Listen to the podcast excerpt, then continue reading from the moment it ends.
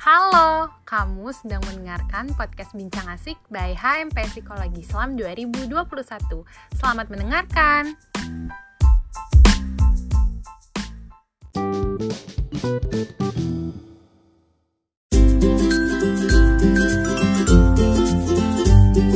Assalamualaikum warahmatullahi wabarakatuh Hai hai hai, halo teman-teman semua Kembali lagi bersama aku Diva Dan aku Ani Di segmen Sharing Session Salah satu segmen terbaru dari Bincang Asik Yaitu podcast HMPS 2021 Hmm, gimana nih kabarnya kalian semua? Semoga senantiasa dalam keadaan yang baik ya Ngomong-ngomong, gak kerasa nih minggu tes telah tiba Gimana-gimana? Kalian udah pada siap belum untuk menjalankan UTS semester ini? Gimana nih dengan persiapan belajar kalian? Ada nggak sih di antara kalian yang rela begadang demi belajar untuk UTS? Jadi, dari Ami sendiri Alhamdulillah kabarnya baik. Eh, semoga dengan Diva pun juga baik juga. Ngomong-ngomong soal begadang demi belajar nih, ternyata untuk menjaga efektivitas belajar, kita tetap harus meluangkan waktu untuk beristirahat loh teman-teman. Eits, dari tadi kita udah nyebut-nyebut nih soal UTS. Sebenarnya apa sih yang mau dibahas? Udah kepo ya? Bentar-bentar, tahan dulu.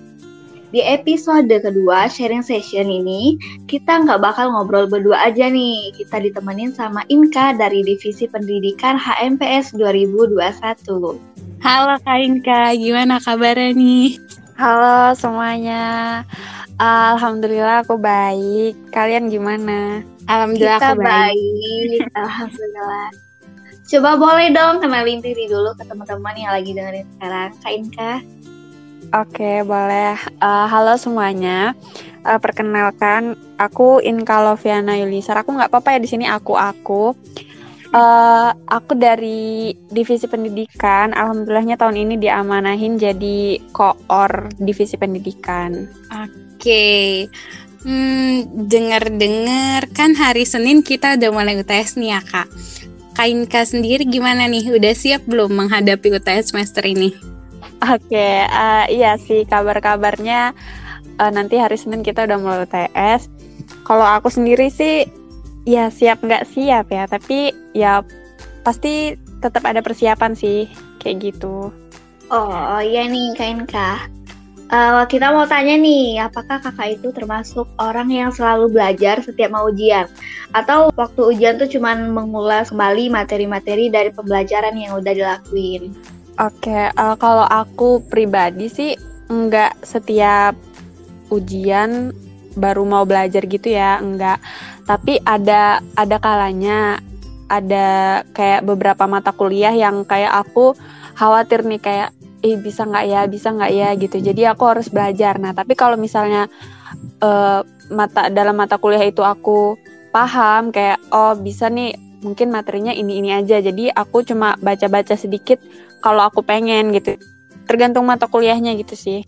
Misalnya eh, kita semester ini belajar mata kuliah psikologi bermain. Nah, kita paham tuh dari pertemuan satu sampai kita kan UTS ini kita belajar apa aja. Menurut aku itu udah kalau selagi kita paham itu udah aman sih. Kita ngadepin UTS nggak perlu yang belajar sampai begadang-begadang gitu nggak perlu. Oke, kan tapi kan eh, ya kan nggak menutup kemungkinan nih banyak juga orang yang kayak eh, gara-gara minggu mau ujian nih dia baru belajarnya menek- eh, misal hamin dua ujian. Nah itu kan eh, otomatis dia eh, sampai begadang buat mempelajari seluruh materinya. Nah terus kan banyak juga kan yang ngomong sebenarnya kalau misalnya begadang itu tuh nggak bisa, justru akan menurunkan imun kita juga kan. Kita juga nanti pas ujian malah jatuhnya ngantuk, gak fokus dan sebagainya. Nah sebenarnya kenapa sih kita ini harus istirahat dan tidur cukup di minggu tes ini kak? Oke, eh, menurut aku pribadi ya, aku ah ya sebenarnya tidur cukup itu nggak cuma di minggu UTS ini aja ya, karena menurutku ya setiap hari kita butuh tidur cukup. Nah, terus yang paling aku takutin itu kalau aku abis begadang gitu ya. Pernah, aku pernah juga eh, begadang karena belajar besoknya mau UTS dan besok paginya itu kayak apa udah siapin alarm tapi karena mungkin itu ya karena Apa gitu sampai hampir telat? dan itu tuh yang bikin aduh bikin jantungan banget gitu loh. Kalau kita telat kan ya gimana gitu ya. Jadi itu sih harus harus istirahatnya tuh harus cukup gitu. Terus juga aku pernah baca-baca dari dampak apa begadang itu ya nggak nggak bagus banget. Dari psikologis maupun fisik itu tuh sama-sama nggak bagus gitu kan. Kayak kalau dari psikologisnya daya ingat kita tuh bakal menurun terus kecerdasan emosional kita tuh juga terganggu gitu nggak stabil. Terus juga ngomong kalau efek begadang semalaman itu kan sama uh, mirip ya mirip sama orang yang mabuk alkohol kayak gitu. Karena ya badan kita kan dalam kondisi lemah tuh fisik kita lemah terus kita nggak ada energi nggak ada tenaga buat kontrol emosi kita gitu nggak ada tenaga buat kontrol psikis kita gitu. Jadi ya ke mana-mana gitu. Terus juga secara fisik pengaruhnya tuh serius sih kayak bisa nyebabin obesitas jantung terus stroke darah tinggi juga. Terus juga termasuk aku ya aku pernah karena ya itu tidurnya nggak teratur begadang kayak jam 1 jam 3 kayak gitu baru tidur terus paginya kuliah lagi kayak gitu. Dan itu berat badanku naik duaan ke 57 itu sih dalam waktu tiga bulan. Itu seingat aku.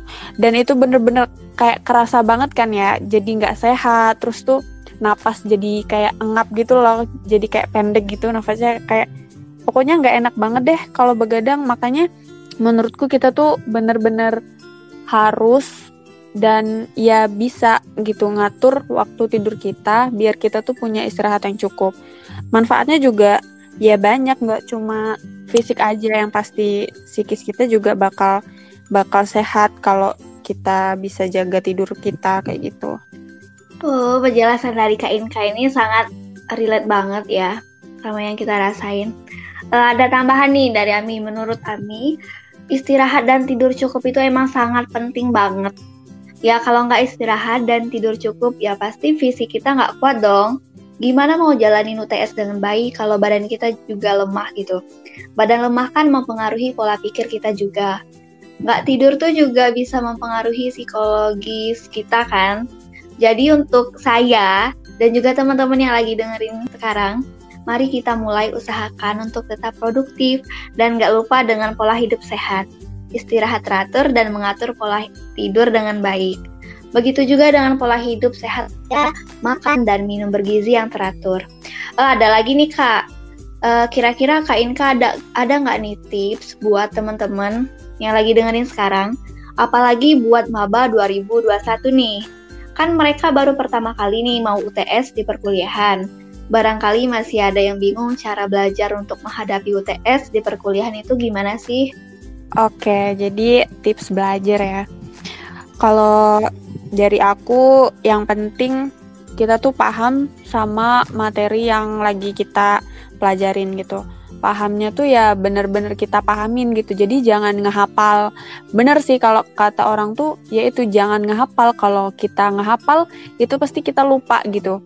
Kalau tapi kalau kita paham itu udah kayak di luar kepala kita gitu. Jadi kalau misalnya ada satu kata satu dua kata yang menyangkut materi itu nanti kita bisa keinget tuh oh iya ya ini tuh kemarin dijelasin ini ini ini gitu. Jadi kita tuh harus paham. Terus kalau misalnya buat kalian yang emang susah nginget atau pelupa ya sama kayak aku jadi buat catatan simple gitu loh catatan kecil kayak poin-poinnya gitu jadi dari situ bisa kalian bisa jadi apa ya kayak latihan kalian buat mahamin materi itu.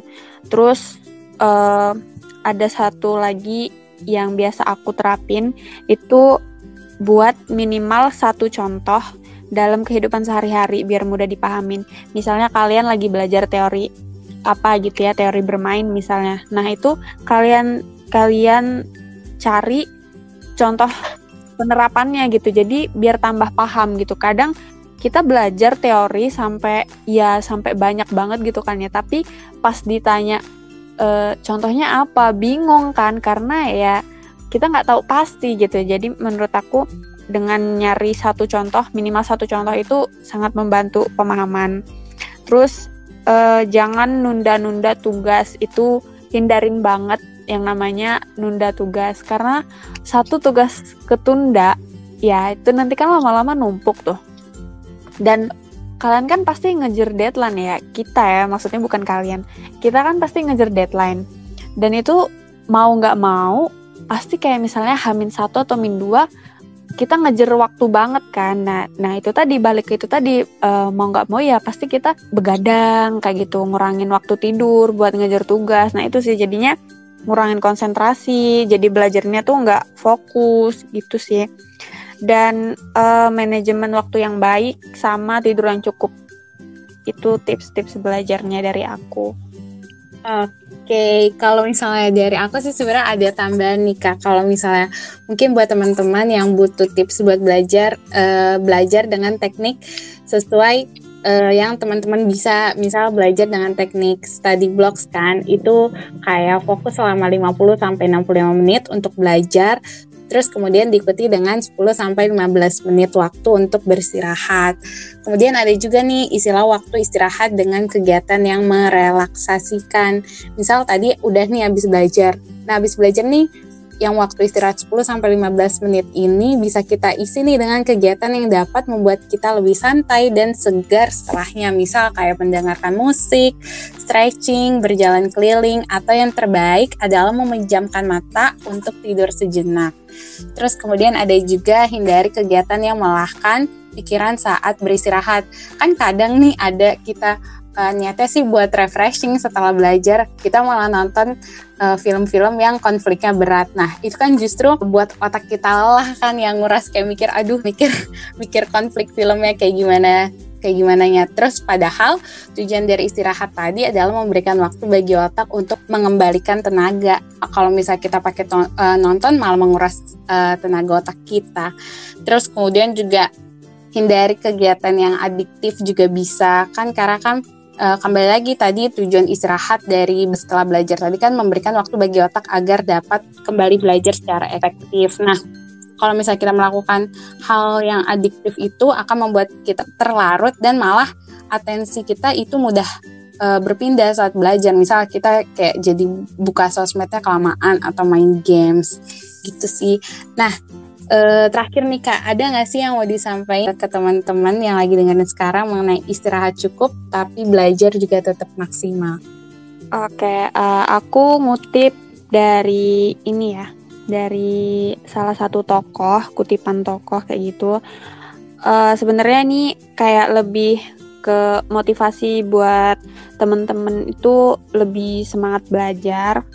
Terus kayak ya biar mereka tuh bisa memanajemen itu dengan baik gitu ya. Ini kutipan dari salah satu tokoh inspirasi Amerika, uh, Oprah Winfrey.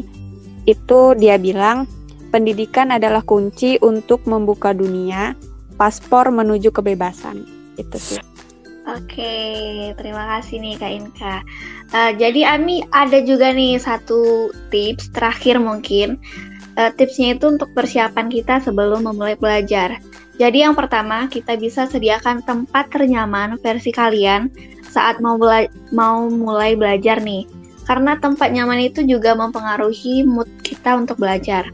Selanjutnya bisa siapkan juga alat-alat pendukung seperti laptop, buku, alat tulis, dan lainnya. Karena kita lagi di rumah aja nih, jadi juga bisa disiapkan koneksi internet yang baik agar lebih mudah untuk bisa searching-searching materi. Bisa juga dengan sediakan cemilan, jadi belajarnya nggak kaku dan bisa santai. Dan pastikan pencahayaan ruangan kita maksimal. Bisa juga diiringi instrumen, musik klasik atau minus one, tapi usahakan jangan ada liriknya. Aku konsentrasi banget, bisa-bisa kita malah ikut nyanyi tuh. Oke, jadi gitu ya teman-teman. Sesuai apa yang telah disampaikan oleh Kak Inka tadi, jadi dapat disimpulkan bahwa kita boleh nih habis belajar buat UTS gitu, asal waktu istirahatnya tetap terjaga. Karena kesehatan adalah prioritas utama kita. Iya, boleh juga dicoba diterapkan ya tips dari baik dari Kak Inka ataupun kami tadi. Gak kerasa nih, kita udah di penghujung bincang-bincang podcast kali ini. Sebelumnya, kami ucapkan terima kasih banyak kepada Kak Inka yang udah sharing-sharing cerita dan berbagi sedikit tips kepada teman-teman yang lagi dengerin sekarang. Thank you, Kak. Terima kasih, Kak Inka. Nah, itu tadi obrolan kita tentang sering begadang demi belajar. Semoga bahasan kali ini bisa bermanfaat bagi kita semua. Buat teman-teman, jangan lupa stay safe and stay healthy ya. Ya udah, jangan lupa ikutin terus podcast dari HMPS 2021. Dan kami pamit undur diri dulu. See you on our next episode. Goodbye. Bye. Wassalamualaikum warahmatullahi wabarakatuh.